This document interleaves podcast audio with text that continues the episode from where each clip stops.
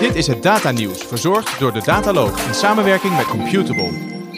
Welkom bij het datanieuws van 29 januari. Vandaag gaan wij jou in 25 minuutjes maximaal door het belangrijke nieuws heen lopen van de laatste tijd, van de komende tijd ook nog en wat er gaat spelen en een nieuwe uitgaansagenda. Aan tafel vandaag, Walter. Ja, super. We zitten hier uh, niet uh, in Amsterdam, maar uh, op de jaarbeurs in Utrecht bij Computable. Hartstikke leuk om hier de tweede opname van het datanieuws op te gaan nemen. En bij ons aangeschoven vandaag is Sander Hulsman, de hoofdredacteur van nou, alle jaarbeurs media, maar voor, voornamelijk bekend van Computable. Ja. Sander, welkom. Dankjewel, dankjewel. Uh, fijn dat jullie hier uh, kunnen zijn en, en ook fijn dat wij Computable uh, hieraan mogen verbinden. Ja, wat heb je een nieuws meegebracht, joh? ja, jongen, ja, jongen, ja. hele lijst. We Ja, hebben ja. echt keuze moeten maken van wat gaan we vandaag brengen. Ja, klopt, klopt. Ja. Jurjen, gelijk maar starten. Goed nieuws uit Nederland en omstreken. Dataloog is natuurlijk een Nederlandse podcast uit de Nederlandse context. Dus ja, we brengen graag het goede nieuws uit Nederland. Ja, en volgens mij, Sander, had jij eh, een aantal eh, Ja. mooie nieuwtjes. Ja, nou, eh, ik vond het opvallend hoeveel datacenter nieuws eh, er eh, de afgelopen tijd bij ons op de website is geweest. Eh, vooral vanuit Amsterdam vandaan, want ehm, vorige week eh, is de regio Amsterdam eigenlijk eh, geëindigd op de zevende plek ehm, wereldwijd. En eh, uitgeroepen tot de beste eh, en populairste datacenterlocatie van Europa. Ehm, zeer opvallend. Eh, dit gebeurde door de vastgoedadviseurs Cushman Wakefield. En eh, als je kijkt naar de, de, de, de regio Amsterdam, eh, dan zie je, ja, nou ja, letterlijk als je rondrijdt, eh, hoe de datacenters uit de, de, eh, de grond gestampt worden. T-Systems ehm, heeft recent ervoor gekozen om in het datacenter van NLDC te gaan zitten. RTB House, ehm, die gaat naar Schiphol-Rijk toe. eh, in een datacenter van Maincubes. Ehm en, en, en toch, hè, en dat is wat leuk, want we hebben het hier over goed nieuws. Het is heel goed natuurlijk, het trekt heel veel werkgelegenheid aan. Maar het is niet het enige, want er zit ook een, een keerzijde aan, aan het feit dat eh, Amsterdam zo populair is. Want ehm, eh, de, de Amsterdamse gemeente en overigens ook die van de Haarlemmermeer hebben eh, een bouwstop aangekondigd voor datacenters. Waarvoor is er geen bouwstop hè, tegenwoordig? Ja. Hotels, eh, Ja. huizen en nu ook datacenters. eh. Ja, en maar dit is niet vanwege stikstof eh, of andere perikelen. Ze willen gewoon echt dat er eh, regionaal beleid wordt ontwikkeld eh, om eh, maar uiteindelijk te kunnen bepalen eh, wat wel en niet eh, kan en mag. Want het is zo populair dat eh, ja, de aanvragen die, eh, die, die zijn almas. En even, jij zegt het regio Amsterdam, dan praten we over Groot Amsterdam, neem ik Ja. aan. Of, Ik weet dat er ergens in Middenmeer ook een heel groot datacenterlocatie is die dan de afvoer eh, regelt met, Ja. met, het, met de agro-business. Zie je nou ook dat, we, dat, we, dat daar belangrijke elementen in zijn in duurzaamheid? Ehm, eh, ja, daar wordt wel natuurlijk, en zeker in Middenmeer ook, eh, wordt daar eh, goed op gelet. Ehm, eh, dat is ook heel belangrijk. En, en ja, je hebt gelijk, de regio Amsterdam is breder dan Amsterdam zelf. Haarlemmermeer valt er onder andere onder. Maar ook de kop van Noord-Holland in, tot aan Middenmeer inderdaad. Dat is eigenlijk de regio die ook gedefinieerd is voor dit onderzoek. Ja. Ja, en vooral eh, eh, gaat het niet alleen om het opleidingsniveau en het goede vestigingsklimaat, maar ook om eh, de lage kans op aardbevingen, begreep ik eh, Ja. uit het stuk. eh, Ja. ja. we zitten hier toch midden op een aardplaat. Dus, eh, Precies. Ja, Ja, zolang we niet eh, gaan boren naar gas, Maar- dan blijft het allemaal rustig. Het gaat natuurlijk ook om de digitale infrastructuur. Alle, alle zeekabels die in Nederland aan land komen. Het is gewoon een hele, eh, ja, het is echt de, de, de poort eh, van Europa. En ja, daar profiteert Nederland breed, maar eh, vooral Amsterdam van. Heel gaaf. Goed Hey, nieuws. Ik heb ook een mooi nieuwtje. Kun jij je Ja. nog herinneren dat we tijdens Big Data Expo spraken met uh, Kubonacci? Zeker. Het platform waarmee je dus machine learning in, pro- in productie kunt brengen. En dat is natuurlijk een van de belangrijke trends. ja, mooie Nederlandse start-up. Nederlandse start-up. ehm, en die hebben, eh, zijn toegeladen tot het NVIDIA Inception eh, Program. Aan de telefoon heb ik Jan van der Vechten van Kubonacci. En ja, hij heeft goed nieuws over zijn samenwerking van Kubonacci met NVIDIA. Jan, welkom. Dankjewel. Kun je eens eh, ons, onze luisteraars vertellen eh, welke samenwerking jullie aangegaan zijn? Ja, we zijn, eh, Nvidia heeft een start-up programma, dat heet eh Inception Program.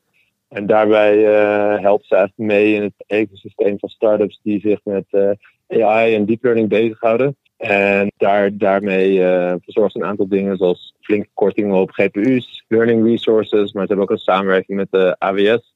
Waardoor we een behoorlijk aan- aantal credits kunnen krijgen die we kunnen gebruiken. En ze hebben veel expertise op het gebied van eh, GPU computing. Wat natuurlijk een onderdeel van ons platform is dat je, maakt niet uit wat voor soort deep learning model, eh, wij kunnen dat voor je, voor je managen. Dus eh, ja, dat, dat, daar zijn we aan toegelaten, dus dat is, dat is heel, heel fijn.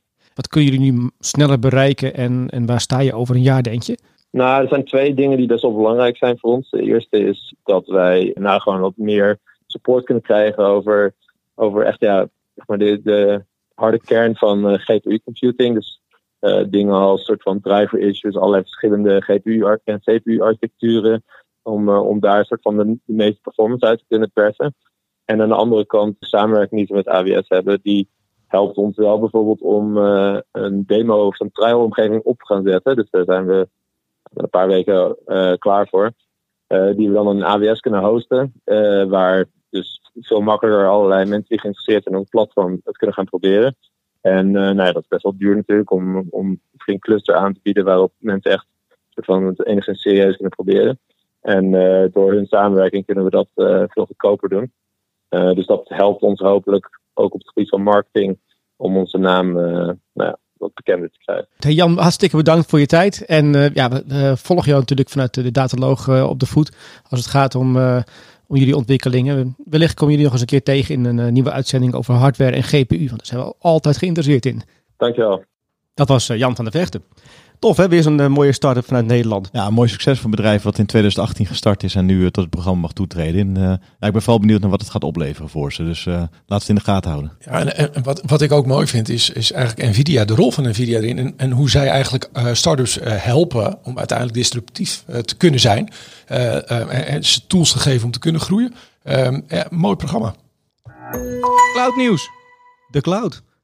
De, ja, welke cloud vraag je dan af? Hè? De, Europese cloud of de Amerikaanse cloud of juist niet de Amerikaanse cloud? Nou, volgens mij eh, zijn we, er, zijn we er eindelijk uit of niet, eh, Sander? Nou, ehm, we zijn er nog niet helemaal uit. Maar oh, nog, nog niet? Nee, maar uh, zijn... de, de Europese cloud is wel in ontwikkeling. Um, en uh, sinds uh, vorige week um, heeft ook de DHPA, de Dutch Hosting Provider Association, uiteindelijk uitgesproken dat ze graag mee willen werken aan de ontwikkeling van uh, de Europese cloud. Dat wordt ook wel het Gaia X-initiatief genoemd. En ja, dat is toch wel een stap voorwaarts. Um, uiteindelijk um, moet dat dus leiden tot een Europese cloud. Frankrijk doet daarin mee. Duitsland uh, doet al uh, heel actief hiermee om uiteindelijk die Europese cloud te gaan, gaan realiseren. Ja, en het doel van die cloud is vooral ook om minder afhankelijk te worden precies. van de huidige grote ja, Amerikaanse wil, spelers. Hè? Inderdaad, je wil gewoon uit de invloedssfeer blijven van, van bijvoorbeeld Amerika en, en, en, en in China. En um, uiteindelijk is het een alternatief voor bijvoorbeeld een Amerikaanse cloud en dus minder afhankelijkheid van bijvoorbeeld hyperscalers als Amazon Web Services, Microsoft Azure en Google Cloud. Ja, de vraag is natuurlijk wel of we met elkaar ook eh, de innovatiesnelheid uh, kunnen krijgen die uh, die grote spelers al, al in zich hebben. Het is natuurlijk een mooi initiatief. Ja, absoluut. We hebben het eerder gezien ook met GPS-alternatief. ja, je moet vooral snelheid maken, denk ik. En ja. ja. ik vraag me af of Europa genoeg verenigd is om hier een succes van te maken. Ik vind het een mooi initiatief. Maar uh, ja, is er voldoende drive vanuit de markt? En de snelheid is ook wel waar ze nu vooral naar kijken. Want je bent nu eigenlijk al afhankelijk van die hyperscalers. Ze willen eigenlijk onafhankelijk daarvan opereren. Um, daardoor moet binnen dit initiatief in ieder geval wel ook makkelijker geswitcht uh, kunnen worden van de ene naar de andere cloud. Um, dus uh, uiteindelijk wordt de Europese cloud opgestart nog met hulp van maar uiteindelijk moeten ze wel op eigen benen kunnen staan. Want hoe zit dat eventjes? Heel, heel, het eerste nieuwtje dat je bracht was: het, Amsterdam is de beste regio van Europa voor de voor, de voor datacenters. Datacenters en cloud gaan natuurlijk hand in hand met elkaar. Ja, absoluut. Komt de positie van Amsterdam in gevaar als we naar een Europese cloud gaan? Um, dat denk ik niet. Het is uiteindelijk een cloud die over heel Europa gefaciliteerd wordt. En daar heb je uh, gewoon meerdere plekken voor nodig. En Amsterdam is een van de plekken die daarin volgens mij prima zou moeten kunnen voorzien. Als centrale uh, speel überhaupt in Europa, denk ik dat Amsterdam zich helemaal daarover geen zorgen hoeft te maken. Het is niet dat de cloud ergens in een datacenter in een willekeurig land geparkeerd wordt. Uh, die wordt uh, allesomvattend, denk ik, over uh, alle landen heen. En je noemde net Frankrijk en Duitsland die een rol gaan spelen. Ja. Gaat Nederland ook een belangrijke rol spelen in dit uh, initiatief? Dat zou wel moeten. Uh, ja, we toch? hebben natuurlijk de DHPA. ja. het, de, het grappige is natuurlijk, we hebben natuurlijk ook nog een brancheorganisatie als NL Digital. die hebben zich niet uitgesproken nog ehm, over eventuele deelname aan deze Europese cloud. En het is uiteindelijk natuurlijk wel interessant om te kijken wat een NL Digital doet. Want NL Digital heeft een aantal grote uh, partijen uh, in zijn uh, bestand zitten die vertegenwoordigd zijn, zoals een, Microsoft onder andere. de directeur van Nederland, en Jean Stichter, is op dit moment ook de voorzitter van NL Digital. En ja, het is toch wel interessant om te kijken of een NL Digital um, zich ook kan en wil scharen achter een Gaia X-initiatief.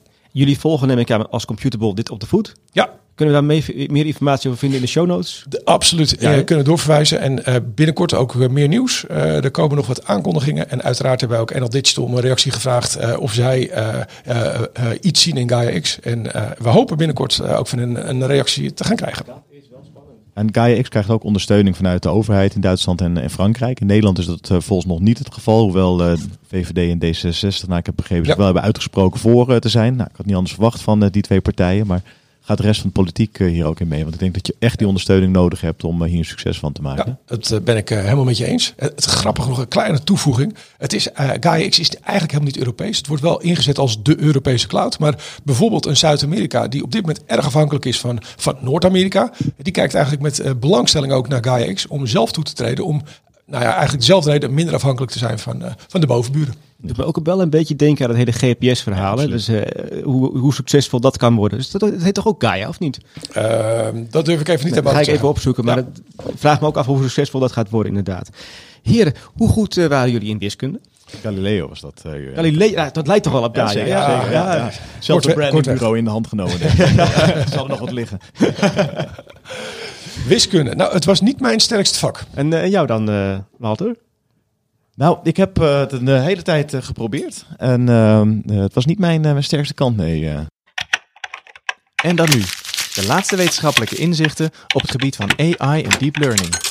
Ik, heb toch, ja, ik, ik ben dus wel gek van wiskunde. En ik vind het interessant om te kijken hoe de wereld van de wiskunde wel gebruikt wordt voor deep learning, maar nog niet een onderwerp is van deep learning en dergelijke. Ja, en volgens mij, de, eh, je hebt dus natuurlijk als mathematica en Maple, dat zijn echt een, een van Wolfram eh, Alpha heb je natuurlijk ook zo'n systeem dat wiskundige sommen kan oplossen voor je. Ja, dat kan natuurlijk niet uitblijven dat met deep learning en met AI ook wiskunde gaan oplossen. En waar moet je dan aan denken? Gaan we dan eenvoudige vergelijkingen doen? Nee, natuurlijk niet. We gaan eh, moeilijke differentiaalvergelijkingen, eh, bijvoorbeeld voor, eh, voor diffusie en temperatuur door geleidende materialen heen, gaan we dus oplossen met, ja, met deep learning. Hoe cool is dat? Ja, fantastisch. Ja. Maar wat hebben we eraan? Ehm, nou, dat is wel leuk. Dus, dus Facebook heeft nu een, eh, methode geschreven. En eh, er zijn twee dingetjes die er heel erg leuk aan, zijn. Punt 1. Wat ze gedaan hebben, ze hebben een, eh, een engine gebruikt voor het vertalen van teksten. die dus wiskunde kan vertalen naar oplossingen. En dat vond ik wel heel erg, erg innovatief. Dat je dus inderdaad niet een oplossing gaat, gaat creëren. Maar en dus met, eh, met nou ja, je, je kent de x-kwadraatjes en die ga je differentiëren en integreren. Maar je gaat als het ware eh, kijken vanuit een vertalingsperspectief. Ja. Dus eh, de sinus x kun je vertalen als een, als een andere functie. Dat is het eerste wat ik erg leuk vond.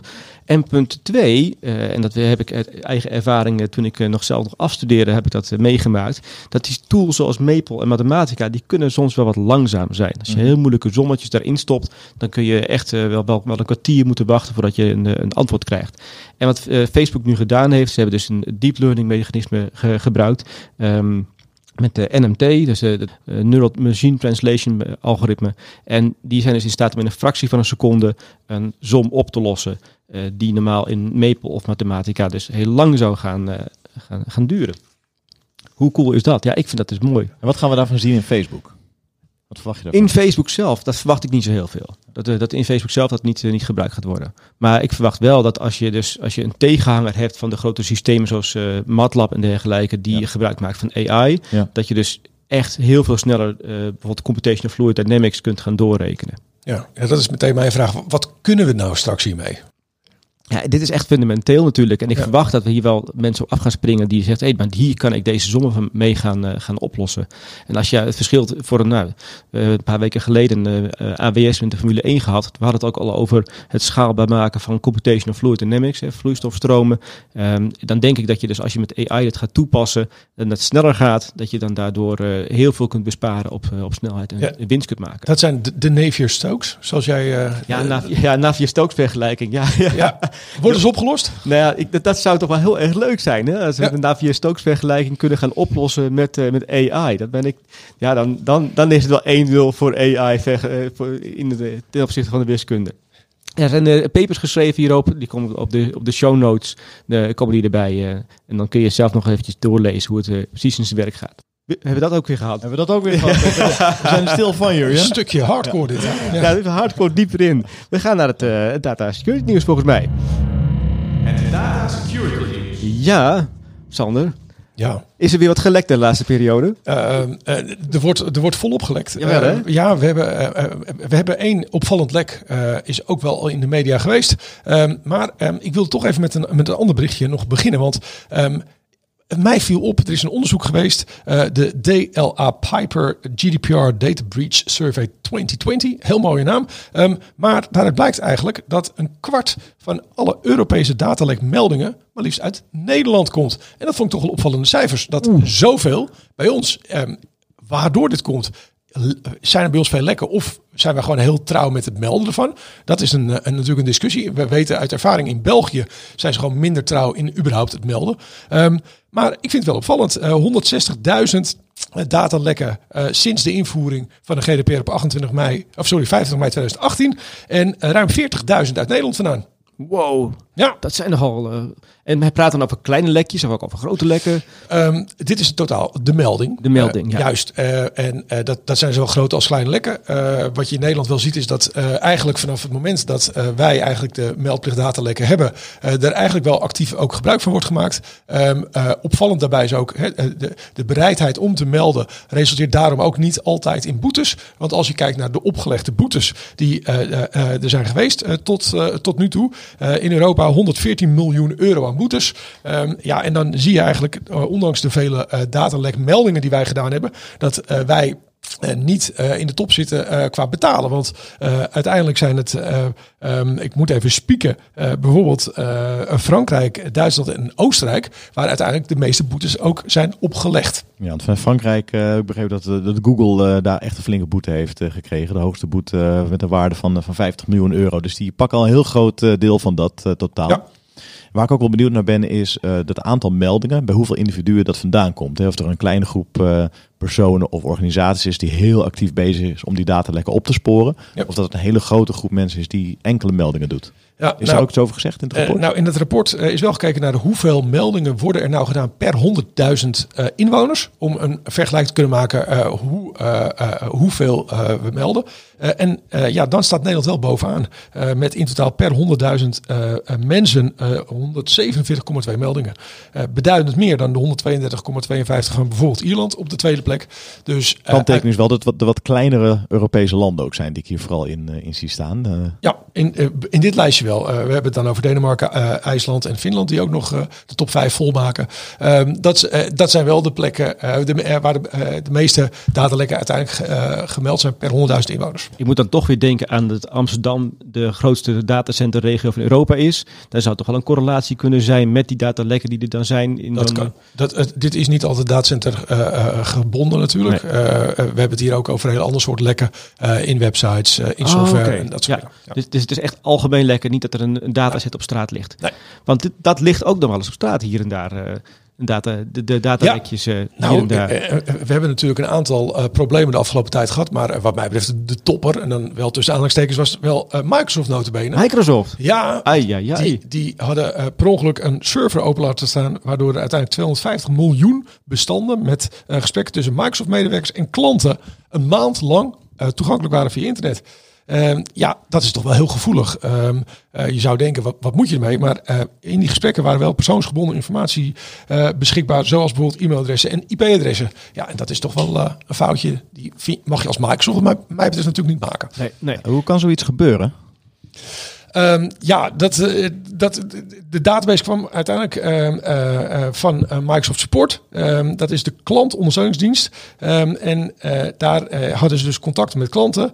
En de server die was uiteindelijk niet goed ingesteld. Waardoor uiteindelijk buitenstanders, buitenstaanders zonder tweestapsverificatie eigenlijk of een wachtwoord konden binnendrinken en de ge- gegevens konden opslaan. Ja, in, in Office 365 wordt er altijd heel erg op benadrukt van zet nou die Ja. eh, 2FA eh, aan, want Ja. dan gebeuren dit soort dingen niet. Nee, nee uiteindelijk eh, ehm, eh, eh, komt dat via een server die dus verkeerd is ingesteld uiteindelijk dan op straat. Je kan het downloaden, je kan het opslaan. Gelukkig waren de meest gevoelige persoonsdata zoals contactgegevens en betaalinformatie wel afgeschermd. Maar je kan je toch wel voorstellen dat de komende tijd eh, behoorlijk wat mensen benaderd zullen gaan worden door een Microsoft medewerker. Ja, ja, ja. Of je even ergens op wil klikken. Alleen dan nu wel met een stuk waardevollere informatie.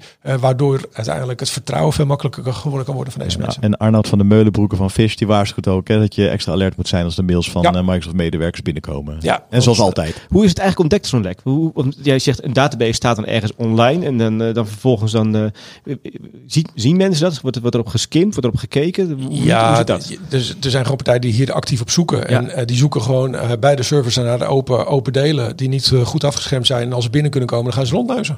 Ja, Ja, lang leven de zoekmachines, hè, die crawlen het hele web langs. En, eh, ja, ze, ze werken ook dus ook gewoon voor ons. Jazeker, ja. Ehm, hoe gaat het eigenlijk met blockchain de laatste tijd, eh, Sander? Eh, nou ja, als je het mij persoonlijk vraagt, ik, ik, ik zie nog niet veel eh, eh, echte blockchain implementaties om me heen.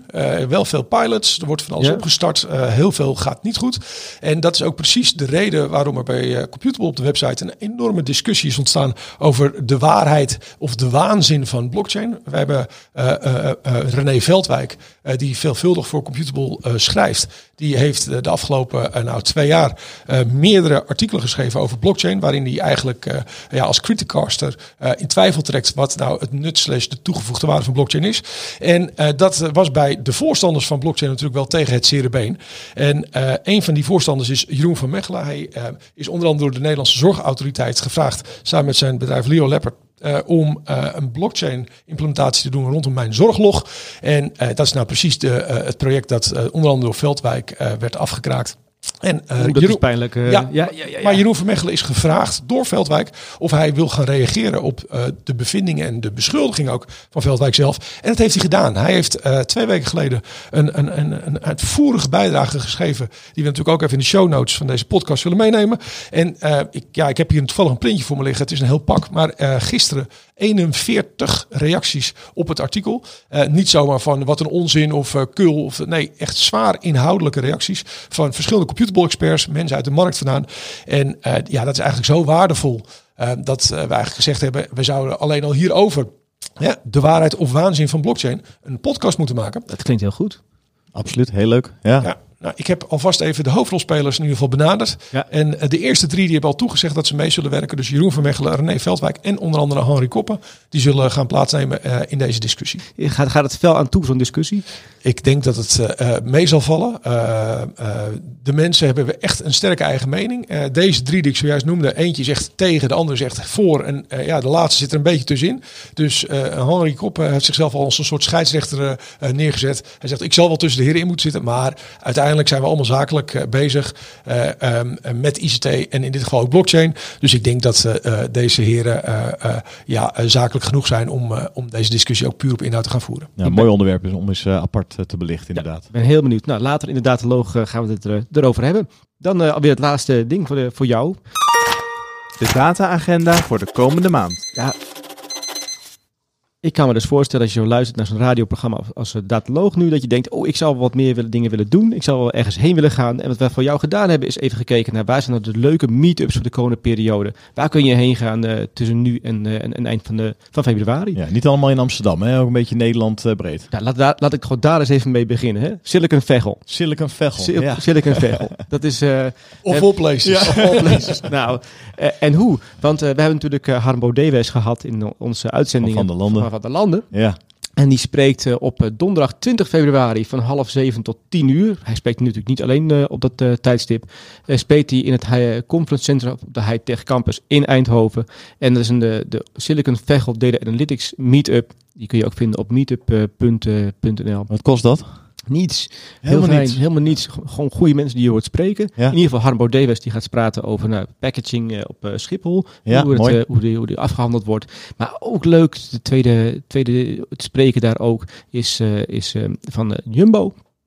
En die gaat uitleggen hoe je van, bij, bij Jumbo, is Tim Heenekamp, Heenekamp, en die gaat uitleggen hoe je bij Jumbo de data kunt gebruiken voor je supermarktoptimalisatie.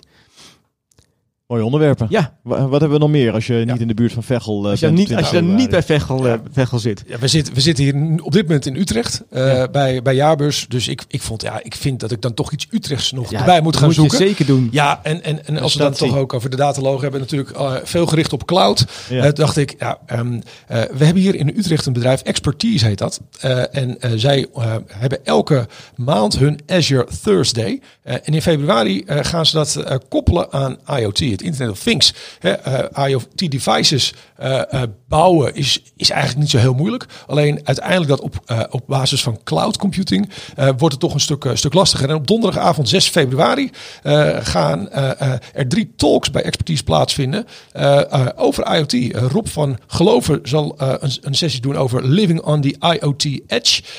Alexander Huizen doet een IoT reference architecture on Azure. En Edwin van Wijk die doet een sessie over Building IoT Edge Solutions. Ehm, ja, allemaal dus IoT gekoppeld aan de Azure Cloud. Ehm, als je aanwezig wil zijn bij dit evenement, dat is lastig. Want eh, in principe is het al vol. Ehm, expertise werkt met een gastenlijst. Eh, ja, en daarna is het afwachten op je 6 februari eh, nog erbij kan zijn. Edge Solutions vind ik nou echt een mooi thema. Echt een interessant thema waar ik wat- wat meer van, van af zou willen weten. Dus ik zou... We kunnen natuurlijk kijken of we met expertise nog iets kunnen gaan optuigen. We zullen ze anders gewoon eens bellen. Nog, nog iets eerder, eh, 4 februari. eh Neo4j die organiseert eh, hun eh, Graph Tour en nu eh, in Amsterdam. 4 februari in het eh Compagnie Theater. En Neo4j kennen we natuurlijk vanuit de uitzending die we met Rick van Brugge een tijdje geleden hebben gedaan. Eh, vanuit het werk eh, wat zij verrichten bij onder meer de Field. Ehm, en ze hebben een hele dag eh, gepland eh, met allerlei interessante sessies. eh, waaronder eh eh, sprekers van eh Allianz en eh, van eh, eh, Digital. Volgens mij zijn we er doorheen, zo'n beetje, of niet?